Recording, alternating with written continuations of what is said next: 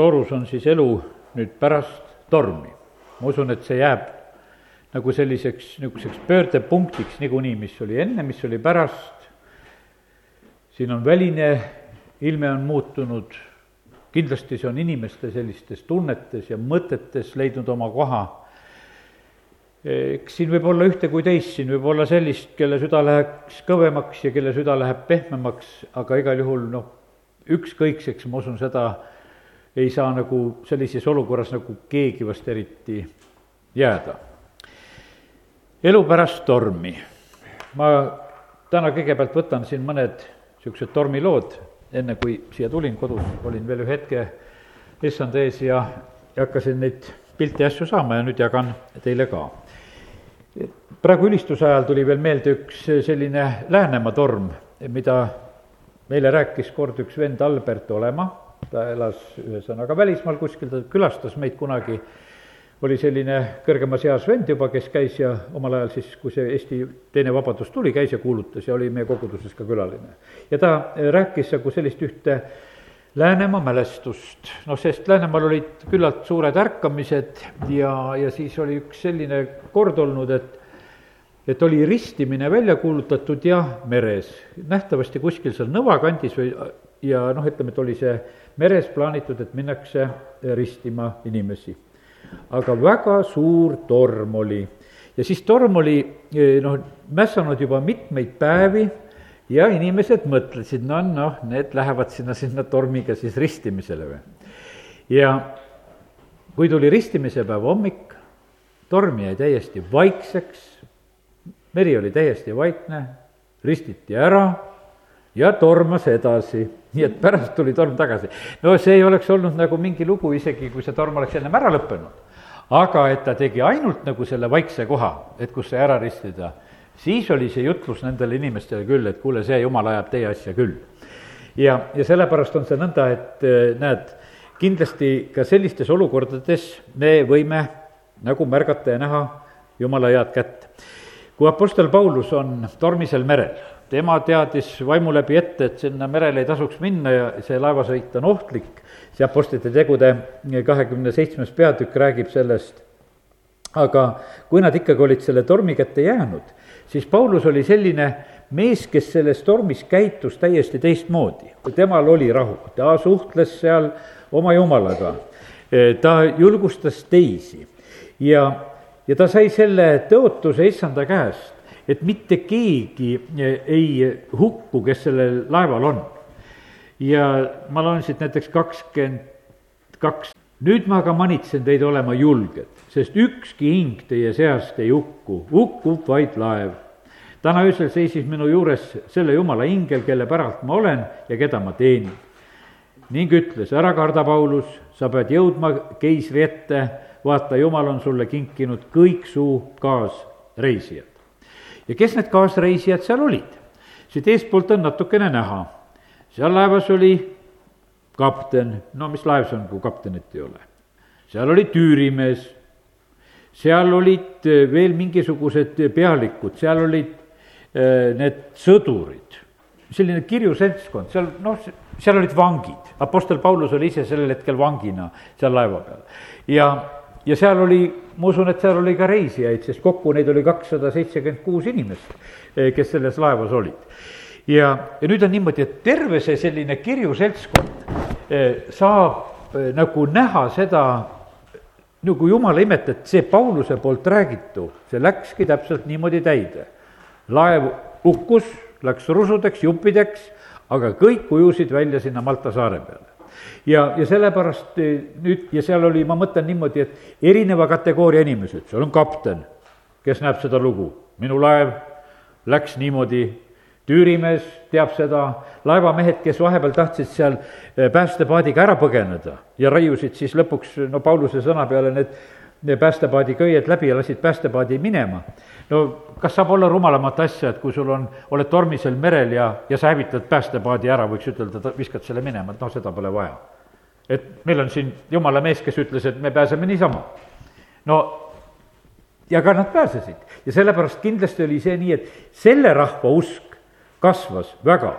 kui need kakssada seitsekümmend kuus inimest olid Malta saarel, seal ei olnud no mitte mingi probleem. Tegelikult seal hiljem seda rahvast nagu jumala sõna juurde koondada. terve sellel saarel oli ärkamine, seal ju inimesed tervenesid ja, ja no ütleme, et see oli selline imeline seltskond. Ja see oli rahvas pärast tormi, kes, kes sellise kogemuse said. Ja, ja nemad said väga positiivse kogemuse sellises mõttes, et kuidas Jumal tegelikult aitas ja kuidas Jumala mehe sõnad läksid täide ja, ja sellepärast on nii, et ma usun, et need sellised eriolukorrad, mis üle käivad, need igal juhul on meeldejäävad ja need on omamoodi igal juhul mõjutamas. nii et üks tormilugu on räägitud. teise tormiloo ma võtan eh, Jeesusest, mis on Mattiuse evangeeliumi kaheksandas peatükis ja seal on niimoodi, et on torm, aga Jeesus magab.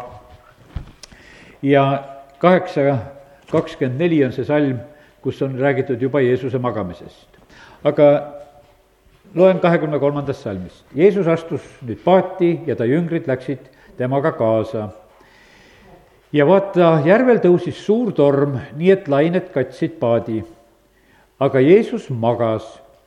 jüngrid tulid ta juurde ja äratasid ta üles, öeldes, issand, aita, me hukkume. tema ütles, miks te olete nõnda arad, te nõdra usulised. siis tõusis ta püsti, sõitles tuuli ja järve ning järv jäi täiesti vaikseks inimesed aga imestasid, öeldes, kes ta siis selline on, et isegi tuuled ja järv kuulavad ta sõna.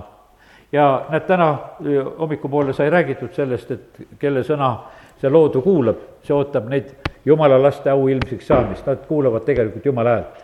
ja Jeesus rääkis selle taevase meelevallaga ja need asjad sündisid. ja, ja sellepärast see on meile eeskujuks, aga me näeme, et vaata, Jeesuse jaoks ei olnudki see torm, ei olnud torm ja, ja, ja kuidas käituda tormides. ma ütlen, et eks siin on täitsa selline ilus eeskuju selle koha pealt, et tuleb rahu säilitada. ja, ja jüngritele tundus niimoodi, et nagu noh, Jeesus ei tea, et noh, jäi magama ja ta ei tea, et torm tuli või ei, asi ei olnud kindlasti mitte selles, et ta ei oleks nagu teadnud, aga see olukord teda ei häirinud. ja, ja sellepärast oli ta üsna rahul ja julgelt, et tema elu on isa käes ja kes on temaga kaasas Nendel ka ei ole ju tegelikult mitte mingisugust probleemi, nii nagu noh, ütleme, et oli Pauluse lugu seal, et jumal ütles, et ma kingin sulle kaasreisijad. ja see oli täiesti selge ilma ütlemata, et, et eh, Jeesus koos oma jüngritega oleks igal juhul sellest tormist pääsenud, isegi siis, kui seda tormi ei oleks vaigistatud. aga no ütleme, lihtsalt eh, jüngrite soovil ja, ja ka kindlasti selliseks eeskujuks Jeesus tegi seda, et eh, ta vaigistas selle tormi ja inimesed, nähes seda, imestasid, mõtlesid, et noh, kuidas see on võimalik, et isegi tuuled ja järv kuulevad tema sõna.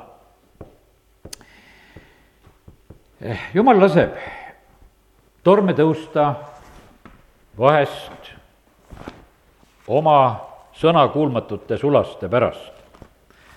ja meil on see piibli näide prohvet Joona näol, kes ei olnud jumalale kuulekas, ei lähe jumala korraldusel Niinemesse, vaid hakkab hoopis teisest suunast põgenema. ja siis tõuseb torm. Joona raamatu üks neli, üheksasada nelikümmend lehekülge on minul. ent issand tõstis merel kange tuule, nõnda et puhkes suur torm ja näis, et laev hukkub ja see oli, kallid, ühe jumala sulase pärast, ütleme ühe jumala inimese pärast. no täitsa kohane on küsida sedasi, kas meie pärast ka vahest torme tõuseb. sest et vaata, kui meie eh, noh, ei ole kuulekad või käitume niimoodi, kuidas ei ole vaja või et issand on nagu vahest sunnitud tegelikult nagu seda olukorda nagu selliselt muutma ja sellel hetkel ta tegi nõnda. ja see oli jälle selline Eh, noh, nii arusaadav lugu, sest et vaata, laevamehed, eh, kes seal laevas olid, ega nemad ei suhtunud ükskõikselt, nad hakkasid otsima, aga kelle pärast on torm? kelle pärast on torm? ja nemad ei, ei hakanud mõtlema, et noh, seal teises laevas on kindlasti mingid patused ja sellepärast meil on siin torm. ei, nad otsisid ja parandasid meelt ise ja sellepärast on see nii, et vaata, milline näide tegelikult, et see ei olnud selline, et see mõte oleks kuskile laiali läinud või hajunud. Nad otsivad nagu ise, et no kus on see põhjus, kes on see põhjus. Ja noh, ja siis, kui nad nägid sedasi, et üks üks seal Jeesuse kombel hoopis magab, noh, ütleme, neid näiteid muidugi siis veel ei olnud, aga täna võime tagantjärgi nii ütelda aga näed, Joona oli tegelikult nagu magamas, hoopis põgenedes ja ta püüdis nagu sellest noh, olukorrast niimoodi noh, nagu magades üle saada ja, ja nagu peitu minna ja aga teda aetakse üles, öeldi, et kuule, et mis sa siin magad. Et tõuse ja hüüa oma jumala poole, vahest jumal mõtleb meie peale ja me ei hukku, kuues salm ütleb seda. siis nad viskavad liisku ja, ja liisk langeb Joona peale. ja siis nad hakkavad täitsa uurima, et kuule, no kes sa oled kuhu sa lähed, mis sa teed, noh, ta oli midagi rääkinud, et, et ta on jumala eest põgenemas ja ja, ja siis toimub see raske otsus, Joona visatakse merre. ega need laevamehed ei tahtnud seda teha, nad on seal üsna eh, raskes olukorras ja kui nad seda teevad, eh, sest et meri hakkas väga mässama, neliteist salm, siis nad hüüdsid issanda poole siis nad enam ei hüüdnud oma jumalate poole, vaid siis nad hüüdsid juba taeva jumala poole, et oh issand, ära ometi lase meid hukkuda selle mehe hinge pärast. samuti ära pane meie peale süütu verd, sest sina, issand, teed nõnda, nagu on sinule meelepärane. ja nad võtsid Joona ja viskasid ta merre, siis rauges mereraev. mehed kartsid väga issandat. Nad ohverdasid issandale tapaohvri ja andsid tõotusi. sest kui nad nägid sedasi, et see torm sai peatatud, kui see Joona sai sinna merre visatud ja meri jäi vaikseks, siis jumala kartus kasvas. ma täna siin mõtlen samamoodi ka, et, et mis siin on juhtunud, et, et kas, kas inimeste jumala kartuses on olnud muudatusi, kes siin Soorus elavad. ma tahaks uskuda, et meie õed-vennad, kes siin elavad, on, on püsinud usus, on elanud usus ja, ja, ja see, see torm ei ole mitte usku kõigutanud, eh, vaid, vaid me läheme ikkagi usus edasi ja, ja sellepärast usaldame issandat ka nendes olukordades. aga eriti ma mõtlen ka nende inimeste peale, kes ei ole tegelikult eh, väga jumalale lähedal võib-olla siin on see selline väga tugev jumalapoolne tõmbamine, et jumal tõmbab inimesi ja sellepärast täna palvetame ka sellepärast, et kui jumal kellelegi koputas no nii kõvasti, et, et tule juba ükskord jumala juurde, no siis suuremat raksu enam vaja ei ole. täna ütleme tänu jumalale, et kõikide inimeste elud on alles. et eh, siin noh, ei ole nagu sellises mõttes kaotusi, materiaalsed kaotused ja ütleme, selle eh, terve ilusat sooru väljanägemine on tegelikult tohutult kannatada saanud. aga lihtsalt oleme aukartuses Jumala ees ja ütleme, et Jumal, anna sina siin samamoodi selgust. nii et ei ole mitte midagi, ei ole ka imelikku nagu küsida sellisel puhul, et, et Jumal, et kus koha peal on see põhjus. meie jumala rahvana, mina koen seda samamoodi, et kuule, käin siin palvetamas ja sellepärast samamoodi olen küsinud, aga issand, miks sa siin lubasid selle tormid, kus mina käin jumalateenistusi pidamas? et mik-, miks sa seda lubasid? mulle tuli täna meelde sedasi, et, et vend Dmitri, kui ta oli siin, ta pidas jutluse, mis jutlust ta pidas seal all saalis? õige on nagu puu, mis on istutatud veeojade äärde, mis kannab vilja omal ajal. aga need õiged puud läksid nagu praeguse nagu plaks ja plaks siin. jutlus oli, jumala mees tuli Tsooru, rääkis, et õige on nagu puu. ja ta ei rääkinud sellest, sellisest puust, mis tormi käes on nagu pilbased, lendab tükkideks, vaid ta rääkis, et et on kuiv või mis iganes, ta kannab vilja omal ajal, ta jääb püsima. ja, ja sellepärast on niimoodi, et üks jumalamehe jutlus, käis siit ennem läbi ja, ja Dmitri oli tegelikult väga oluline mees, kes on üldse Soorust läbi käinud. sellepärast, et see, see ei olnud tavaline saadik, keda, keda siia saadeti. ja, ja ta rääkis oma sõnumi ja ta läks. E, oli üsna mitmeid inimesi, kes sellel hetkel meelt parandasid. kes tulid ka ette, ka Dmitri jutluse peale ja no paljuski me ei tea nende inimeste sellist praegust jumala kartust. aga tuletagu jumal meelde, see puujutlus, kui palju puid on praegusel hetkel läinud siit, et oli mees, kes rääkis, et puu võib olla veeojade ääres ja et puukäsi võib hästi käia. nüüd Joona loo lõpetame siin ära, kui laulu ühte ma praegusel hetkel juba viitasin, siis loeme seda, et milline see puu peab olema õnnis on inimene ja praegu see puu on nagu inimese näites, kes ei käi õelate nõu järgi. inimestena peame läbi katsuma, et ega me ei käi kurjade ja õelate nõu järgi. ega seisa patuste tee peal, ega istu pilkajate killas. ja sellepärast jumal ise teab, eh, mis siin toimub, kas siin on jumala pilkamist või ei ole, eh, kas me võime seda noh, ütleme, mida me siin oleme vahepeal rääkinud sedasi, et see, see püha viha, see saun tehti, kas selles on jumala pilkamist või ei ole, sest et mina nende inimeste südameid ei tea. sest see, see võib tunduda nendele nagu selline süütu, aga noh, ütleme, sõna püha on iseenesest püha. ja, ja sellepärast peab ettevaatlik olema, kui sa midagi nimetad pühaks. et ega igat asja nii naljalt ja igat sõnad tarvitada ei tohi, sest meil on tõesti püha Jumal. Ja ei tohi olla õelate nõu järgi elamas, ei tohi seista patuste tee peal, pilkamisega ei tohi te-, tegeleda, vaid kellel on hea meel issanda seadusest ja kes seda seadust uurib ööd ja päevad. ja nüüd on üsna tõsine kahtlus, kas siin soorus ööd ja päevad uuritakse jumala seadust ma usun sedasi, et on õed ja vennad, kes seda mingil määral teevad ja võivad teha ka igal päeval ja palvetavad ja on jumala kartuses. aga kui ma mõtlen täna siin üldse inimesi, siis eh, mitte ainult ei ole siin õiged vastutamas, vaid kõik, kes me siin elame, sest jumal paneb tähele kõikide meie elu ja käitumist. ja ta ütleb, et hea meel peab olema issanda seadusest ja, ja ma usun seda ka, kui ma praegu räägin seda, aga et seega ei ole mitte asjata, et jumal on käskinud minul siin juba aastaid käia ja ma ka ei tea, mispärast ma siin käin. ei pruugiks käia, kui jumal ei oleks käskinud. aga see oli nii kindel soov, et, et vaata, siin käid, siin poe juures seisad, siin kutsud, siin oled ja, ja, ja sellepärast ma ikka tulen ja käin seda, seda vahet ja, ja, ja sellepärast issand ise nagu teab, sest et tema pilk on tegelikult selle paiga peal.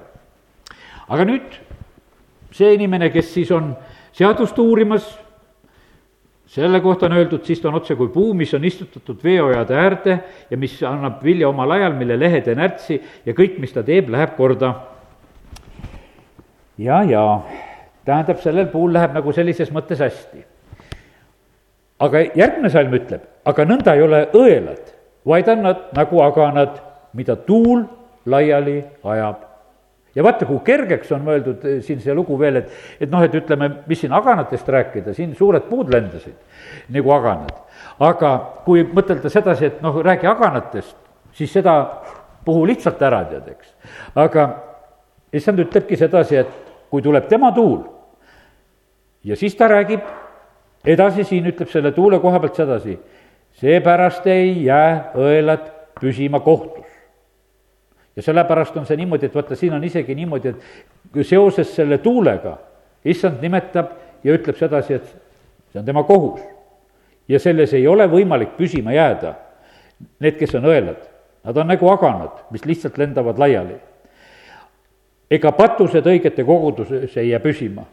issand tunneb õigete teed, aga õelate tee läheb hukka. ja, ja sellepärast ma näen sedasi, et see on päris valus ja kallis tähendamise sõna, mis on siin sündinud. inimesed on leinanud seda ühte viigipuud, mida Jeesus needis kord. et noh, tead, et puu ju tead, noh, sai kannatada. Tallinnas inimesed ronisid puu otsa, panid ennast sinna käeraudadega kinni ja ketti, et noh, et mõnda puud maha ei võetaks, kui teed ehitatakse. aga siin võeti lihtsalt maha, mitte keegi ei olnud puu otsas seal neid kinni hoidmas, et puud maha ei võetaks. jumal võttis lihtsalt need puud kõik, huh, kõik ära, tead ja on ilus allee ja asjad on, mis on olnud aastaid, on seisnud, ühtäkki on niimoodi, et ei need puukummardajad ega puukallistajad ega puukaitsjad, mitte keegi ei saanud nagu selle vastu. üht hetki näed, et, et meie jumalad on nagu pilpad, tead, et lendavad nagu ei, ei tea kus kohta. ja, ja sellepärast, kallid, see, see ei ole, noh, see ei ole niisama lugu, mis on tegelikult sündinud. ja, ja sellepärast on see nõnda, et, et andku jumal meile nagu seda sellist tarkust nagu näha, et jumal on tegelikult, on rääkinud. sest et tema on niimoodi, kes laseb neid tormisid tõusta, tema on neid valmis vaigistama, nii nagu me täna eh, oleme siit juba lugenud, kui Jeesus tõusis ja vaigistas ja, ja ta on valmis meile ka seda meelevalda andma, et, et vaigistada neid tormisid.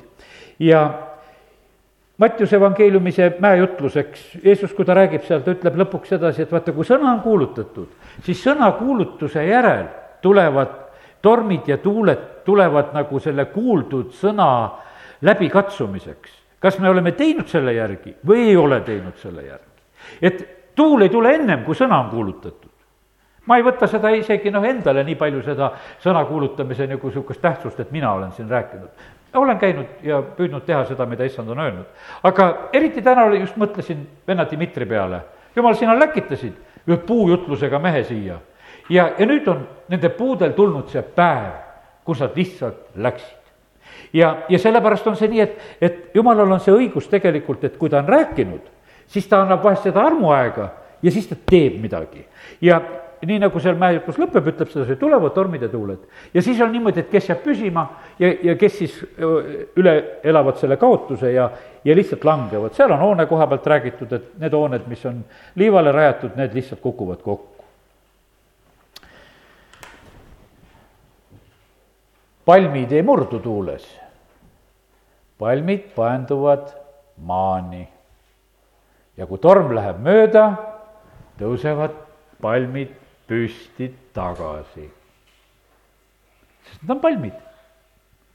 aga uhked puud, kõvad südamed, need lähevad nagu praks katki, see on jäme tüvi, käib üks pauk, sest ta ei paendu mitte kuskile.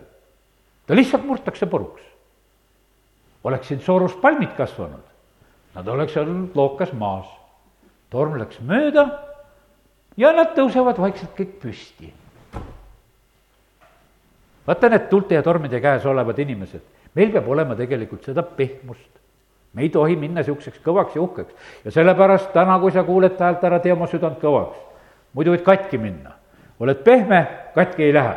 sellepärast, et vaata, siis sa elad need tormid ja asjad niimoodi üle ja, ja sellepärast aidaku Jumal, et sooru rahvas ei teeks oma südant praegusel hetkel ka kõvaks.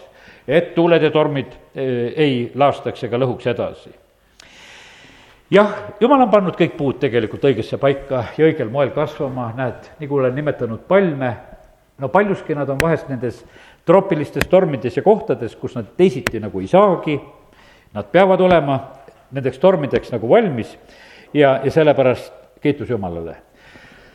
ja, ja täna võime tõesti seda juttu nagu kokku võtta selliselt ka, et Jumala jaoks ei ole see hind kallis, mõeldes nende inimeste südametele, kes siin elavad. see, mis on kahjudena, sest et ega sa ei saa nendest katkistest puudest enam mingisugust erilist tarbepuud. eks ta siin väga paljugi läheb, lihtsalt hakitakse ära, tehakse hakkepuiduks, kuskile katlamaiade kütmiseks lõpuks läheb, noh, ütleme, et, et nagu päris väärtust tal nagu sellises mõttes enam ei ole, ei iluväärtust, noh, kütteväärtust on jäänud veel järgi ja, ja tarvitatakse kuidagi ta ära, aga see kallis hind, mis on tegelikult noh, mida meie ei oska ja siin täna kokku arvatagi, mida siin üldse nende ümberkaudsete metsade ja kõikide kaotustega, mida inimesed on nagu üle elanud. tead, jumala jaoks ei ole see kallis, kui mõnda inimese hinge päästa. no ma ei tea, mitu ta päästab, aga kui ükski pääseb, on talle see väga kallis. sellepärast, et vaata, tal on nii, et kui Paulus oli seal mere peal, ta ütles, et kuule, et ükski hing ei hukku ja ma usun, sellest, sellest sai üks hea kogudus sellest kahesaja seitsmekümne kuuest inimesest. no kuule, nemad küll nagu enam jumalat salata ei saanud, kuule, no mis asi see on? uss tuli ka veel Pauluse käe külge, raputab tulle ära, vahepeal need saare elanikud mõtlesid, see on küll, näed, tead ju varsti sureb, et jumal on ikka ta peale nii vihane, näed, et varsti ikka heidab hinge siis vaatavad, ei suregi ära, et raputab ussi hoopis tulle ja, ja toimetab siin edasi meil. ja, ja sellepärast, kallid, see on õppetund, see on kallis õppetund ja aga mi-, mina tahaksin näha siiski nagu täna selles loos, et et nii, nagu see üks viljatu viigipuu neetmine oli, see oli õppetund, et mis hakkab juhtuma, mis juhtub Iisraeliga, et see rahvas, kes vilja ei kanna, et no nad jäävad sellisesse olukorda ja nad peavad hukkuma ja, ja see oli Iisraeli riigi saatus. See oli jüngritele tegelikult nagu selline etteteadmine, et noh, et, et nad ei ehmataks, et kui see riik, noh, sest et me kõik tahaksime oma riigi ja rahva peale loota. eks praegusel hetkel on ka, et noh, meile meeldiks sedasi, et kui me riik oleks selline, mis nagu meid kaitseks ja varjaks ja suudaks püsida ja saaks hakkama igasugustes viletsustes, aga no näed, vahest on see nii, et riik läheb viltu oma asjadega ja, ja tas ei ole seda tugevust. ja, ja sellepärast, kallid, nii see on, et, et lihtsalt täna meil on üks tormijärgne õppetund, mille ümber me nüüd siin oleme. Jumal räägib tormituultest, see on Hiopi raamatus. Hiop, kui vestles, siis oli väga huvitav selline, et jumal ühel hetkel vastab talle ja ta räägib tormituules. nii et jumal räägib tormituules. ma ütlen täna siin soorusse taga. jumal räägib tormituules, see salm oli nelikümmend ja kuus Hiopi raamatust. aga kolmkümmend kuus, kolmkümmend kolm on üks selline huvitav ütlemine, et kui on mürin, tema mürin kuulutab sellest, loomakarigi kuulutab tõusvat tormi.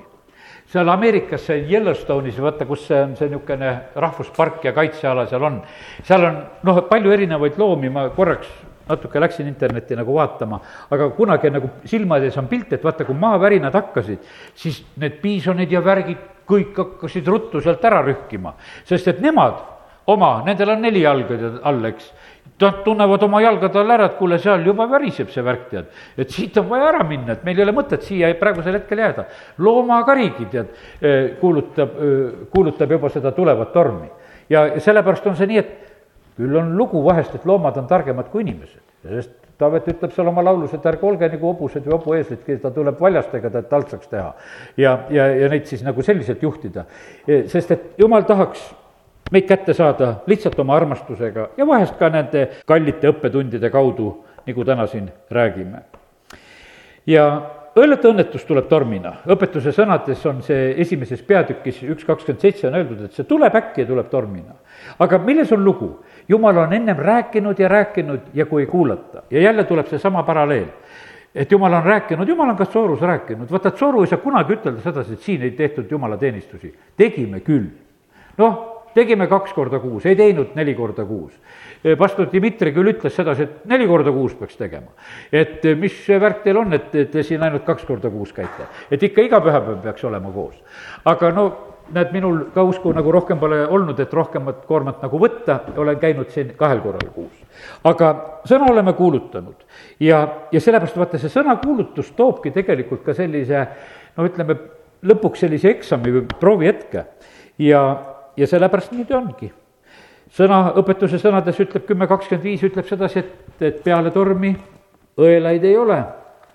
no tänu jumalale me näeme siin praegusel hetkel, et see on olnud nagu üks suur tähendamise sõna, et, et inimesed on ju järgi, nii nagu me oleme siin juba mitu korda täna seda omavahel kinnitanud. aga meil on nagu üks nagu näitlik õppetund, et puude näol, kes on inimeste võrdluseks, need on katki läinud. õpetuse sõnad kümme ja kakskümmend viis kui torm üle käib, siis pole enam õelat, aga õigel on igavene alus. Jesaja raamatu kümnendas peatükis on kolmandas salmis selline küsimus, et mida te teete tormi ajal? ja see kümnes peatükk räägib meile sellest, et, et eh, riigis tehakse nurjatuid seadusi ja, ja kirjutajad kirjutavad vääri otsuseid, väänatakse abitute õigust, ja kisutakse kohus mu rahva viletsalt. lesknaised saavad seal saagiks neile, vaeslapsi riiu-, riisutakse paljaks.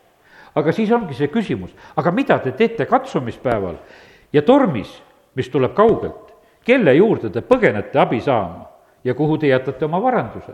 ja sellepärast on niimoodi, et vaata siin eh, prohvet viitab selle peale, et need tormid tulevad nende seaduste tõttu, mida teevad kallid, Soru jaoks tehakse Riigikogus ka seadusi. ja sellepärast on see niimoodi, et vaata, meie noh, ütleme, vaata, kui sa vaevad oma vaba, vaga hinge selle koha pealt, siis jumal paneb seda tähele, sest et kui sa ei ole nagu nõus valede seadustega, mida siin on siin Eestimaal ka sellel aastal tehtud ja ja osad on niimoodi, ah tühja tead, et tegid, mis tegid, et ei ole, sest et vaata, see, mis läheb nagu jumala pilkamiseks ja jumalaga vastuollus, see häirib jumalat. aga nüüd jumal vaatabki sedasi, kas meid see puudutab või ei puuduta kui see meid puudutab, siis jumal tegelikult arvestab sellega. sest et ta loeb neid õigeid kokku ja, ja me vahest ei saa rohkemat teha, kui oma südamehoiakut hoida. ma olin südamest tänulik äh, sellel nüüd sügisel Võru linna eest, ma vaatasin, kui äikesed lõid, vaata need äikesekaardid on praegusel hetkel. no lõi sinna Roosisaare silla juurde, kus see nui on sinna püsti pandud. sinna lõi siis ma lihtsalt vaatasin, no palvel ei ole sealt väga kaugel, ma vaatasin, et noh, et millal tuleb elektrit välja võtma palvelast või noh, mõnel ööl võtsin juba ette ära, tead, vaatasin tühjadalt, et ei taha, et kõik aparatuurid ja värgid, kui mingi väga niisugune löök tuleb sinna kuskile elektriasjadesse, et rikub mäsad ära. ja, ja olin nagu valvel selle koha pealt ja siis ikka noh, teed kaardi lahti, vaatad äikeselööke, neid oli näha. siin need viimased tormid ja tuuled, mis siin olid, peksis ümber Võru ja siis vaatad, kuule, Võrru ei löö. raudtee peale lõi küll, sest et vaata, raudteereltsidesse ja sinna torm lööb täpselt sisse. et noh, need tõmbavad endasse ka need asjad. ja tänu jumalale, et, et keegi pole raudteed üles kiskunud, las see torm vahepeal seal siis teeb ja mõned valgud sinna ka lähevad. aga no ütleme, et lihtsalt nagu nägid sedasi, et kuidas on. et jumal tegelikult kaitseb ja sellepärast kiitus Jumalale. ma mäletan ühel aastal, kui oli, ma olin siis ühesõnaga linnavalitsuses veel, no olin linnavalitsuse liikmena, olin tööl ja ühe aasta alguses, kui oli koguduste vaheline need allianspalvenädalad, mida me enam noh, ammu nagu pole seal osalenud ega teinud seda, aga tollel ajal ma mäletan, et et jumal ütleb mulle niimoodi, Toivo, sa pead selle allianspalvenädala igal õhtul käima palvetamas. mitte sellepärast, et sa pastor oled, vaid sellepärast, et sa oled praegu seal linnavalitsuse liige ja sina pead käima palvetamas selle linna pärast. ja teate, siis kui tuli torm siis see läks väga pehmelt Võrust üle. jumal ütleb, aga näed, aga ma hoidsin, hoidsin te linna. Te saite väga väikeste kahjudega, sest sellel ajal oli ka, ikka tormid tegid kahju ümberringi, aga, ja sellepärast, kallid, tead, õiged on õnnistuseks. ja sellepärast meie jookseme praegusel hetkel Jumala juurde, et Jumala kaitset ja varju saada. ja, ja sellepärast, mida me teeme tormi ajal? pöördume Jumala poole. ja, ja kui me oleme usus niimoodi kasvanud, et meil on juba see pruudi või poja või see sõna meelevald, nii nagu noh, ütleme, et saame juba ütelda neid tuulisid ja torme ka käskida, nagu sõna meil õpetab, siis tarvitame seda ka. ja sellepärast kiitus Jumalale, et Jumala sõna meid õpetab. ja noh, ütleme, et ma ei hakka pikemalt enam rääkima siin, aga ja pigemini on niimoodi, et et rääkigu püha vaim meile, kui midagi rääkida. ja Jumala vaim saab tegelikult rääkida igale inimesele, kes on siin. ükski inimene ei saa päästmisele tulla, kui Jumala vaim ei räägi inimesed ei tule meie rääkimise peale Jumala juurde. Nad tulevad Jumala koputuse peale, tulevad Jumala juurde. ja, ja, ja sellepärast on see nii, et koputagu Jumal meile ja neile, nõnda et me kuuleksime ja et oskaksime õigeid järeldusi teha ja õppida sellest, milles me oleme. see oli pastor selle Andrei Zapovalovi üks hiljutine ütlus, mida ma kuulsin, meil tuleb meeles pidada seda, et see elu on ainult protsess, milles me oleme, see ei ole päris elu. see on ettevalmistus päris eluks, igaveseks eluks. ja sellepärast on niimoodi, et me ei pea traagiliselt võtma seda protsessi. kui see kõik, mis sündis siin soorus, on hingede pääsemise kasuks, siis see on nii tühine asi. kütke ära need hunnikud, saate toas sooja ka veel ja ja kui keegi ärkab tegelikult Jumala jaoks, kui võimas see tegelikult on, siis noh, ütleme, siis ei ole nagu mitte mingisugust kahju nagu sellest asjast, et noh, et, et see ka juhtus. siis ma tänu Jumalale. Toode Arno, kes elas Lõuna-Eestis, kui, kui tal ära võeti kõik saeveskid ja noh, tal oli oma Eesti ajal kõik ettevõtmised, tema tänas Jumalat. tänu Jumalale selle Nõukogude võimu eest, kes mind vaeseks tegi, ma oleks põrgu läinud oma rikkuse ja joomise ja kõigega, mis mul oli tegi mind vaeseks ja ma leidsin Jumala ja, ja ta ei leidnud absoluutselt, et ta oleks mingi vihane selle võimu peale, et, et minu rikas elu rikuti ära, vaid ta ütles, et tänu Jumalale hoopis uue rikkuse vastu vahetati välja see asi ja see on palju suurem rikkus. amin